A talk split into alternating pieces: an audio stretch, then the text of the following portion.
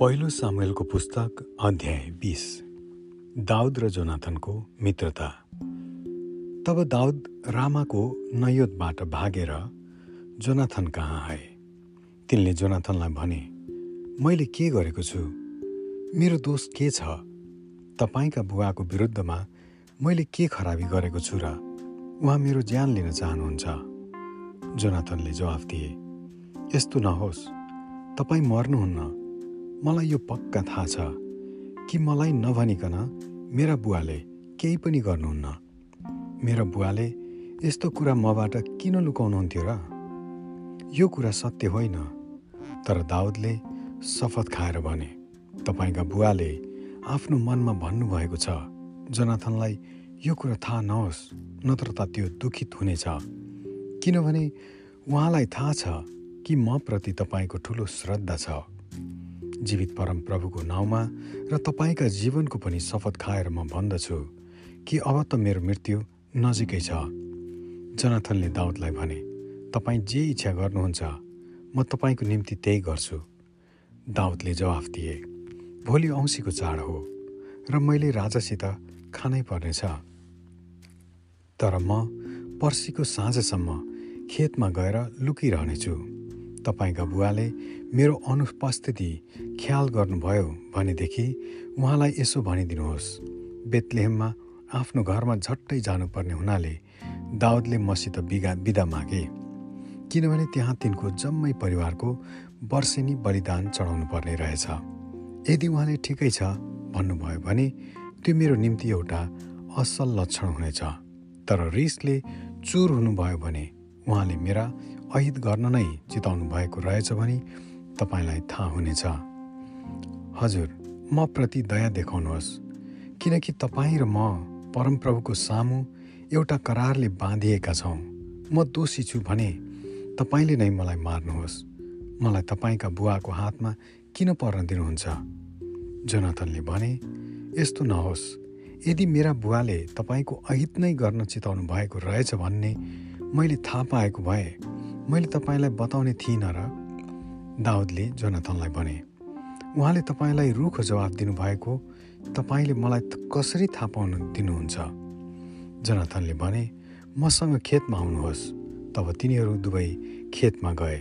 जोनाथनले दाउदलाई भने दाउद परमप्रभु इजरायलका परमेश्वरको दृष्टिमा म यो प्रतिज्ञा गर्दछु कि पर्सि यही बेला म मेरा बुवाको मन छाम्नेछु।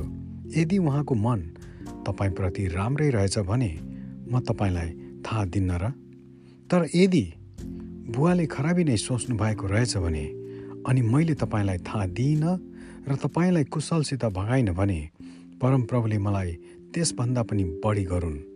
परमप्रभु मेरा बुवासँग हुनुभए झैँ तपाईँसँग पनि हुन्। तर म बाँचुन्जेल परमप्रभुले झैँ तपाईँ ममाथि कृपा देखाउनुहोस् र मलाई नमारियोस्। तपाईँ मेरो घरानाप्रति दया गर्न कहिले नछोड्नुहोस्। परमप्रभुले पृथ्वीबाट दाउदका सबै शत्रुहरूलाई पन्साइसक्नु भए तापनि यो दया नछुटोस्। यसरी जनाथनले दाउदको परिवारसँग यसो भनी बाचा बाँधे। परमप्रभुले दाउदका सबै शत्रुहरूको लेखा लिउन् अनि जोनाथनले दाउदलाई जोनाथनप्रतिको तिनको प्रेमको कारणले तिनको शपथ पुनर्पुष्टि गर्न लगाए। किनभने तिनले जनाथनलाई आफैलाई झैँ प्रेम गर्थे। तब जनाथनले दाउदलाई भने भोलि औँसीको चाड हो।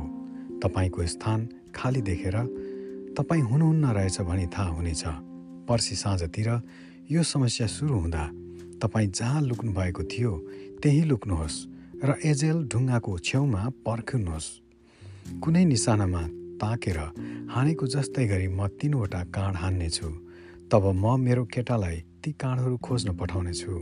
यदि मैले त्यसलाई हेर काँडहरू तेरो यतापट्टि छन् ती टिपेर ले भने भने तपाईँ आफू लुक्नु भएको ठाउँदेखि निस्केर आउन सक्नुहुन्छ। म शपथ खाएर भन्दछु तपाईँ कुशल रहनुहुनेछ। किनभने तपाईँलाई कुनै हानि हुने छैन। तर यदि मैले त्यस केटालाई हेर काँडहरू तेरो पल्लोपट्टि छन् भने भनेदेखि परमप्रभुले तपाईँलाई जानु नै भन्नुभएको रहेछ। हामी दुईका बिचमा गरिएको बाचा बन्धन सदा सर्वदै कायम रहन् भन्ने कुरामा परमप्रभु साक्षी हुनुहुन्छ। यसकारण दाउद खेतमा लुकिरहे चाड आयो भोज तयार गरियो अनि राजा खानालाई बसे। साउल भित्तापट्टिको आफ्नो नियत स्थानमा बसे र अब नेर उनको छेउमा बसे। जनाथन पनि उपस्थित थिए तर दाउदको ठाउँ खाली थियो। त्यस दिन साउलले केही भनेनन्। सायद तिनी धर्म विधि अनुसार अशुद्ध भएका होलान्। यसै कारण तिनी अनुस्पति अनुपस्थिति भए भनी उनले ठाने। तर भोलिपल्ट महिनाको दोस्रो दिन दाउदको ठाउँ अझै पनि खाली नै थियो। साउलले आफ्ना छोरा जोनाथनलाई सोधे हिजो र आज इसाईका छोरा किन भोजमा आएनन्? जोनाथनले साउललाई भने दाउदले बेतलेहम जानलाई मसित यसो भनेर अनुमति मागेका थिए। हाम्रो परिवारले सहरमा बलिदान चढाइरहेको छ र मेरा दाजु आफैले मलाई त्यहाँ आउनलाई आज्ञा गरेका छन्।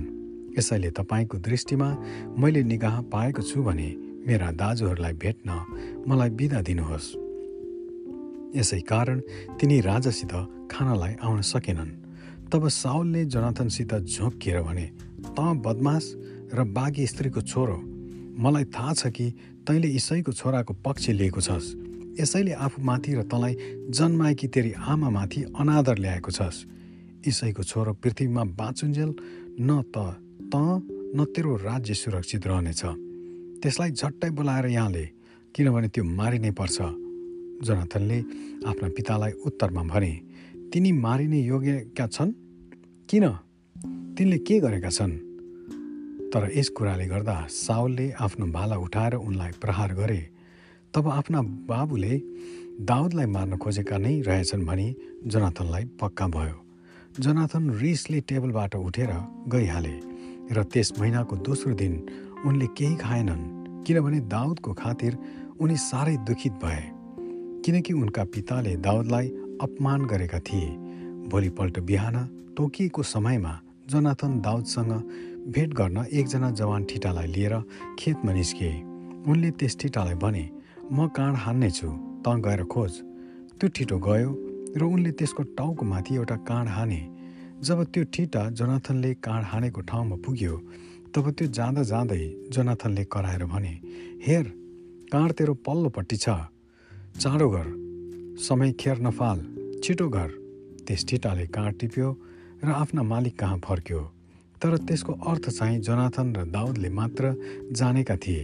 त्यस ठिटाले केही थाहा पाएको थिएन तब जनाथनले आफ्ना हतियारहरू त्यस ठिटालाई दिए र ती सहरमा लैजान भनी हराए। त्यो ठिटा गइसकेपछि दाउद ढुङ्गाको दक्षिणतिरबाट निस्केर नम्रतापूर्वक तिनपल्ट निहुरेर ढोक गरे अनि तिनीहरू एकले अर्कालाई चुम्बन गरे र दुवै रोए अनि दाउदको अफसोस जोनाथनको भन्दा ज्यादा भयो। तब जोनाथनले दाउदलाई भने शान्ति साथ जानुहोस् तपाईँ र म तपाईँका सन्तान र मेरा सन्तानका बिचमा सदा सर्वदै साक्षी हुनुहुने परमप्रभुको नाउँमा हामी एउटाले अर्कोसित बाचा बन्धन बाँधेका छौँ। तब दाउद तुरुन्तै गइहाले र जोनाथन चाहिँ सहरमा फर्के। आमेन।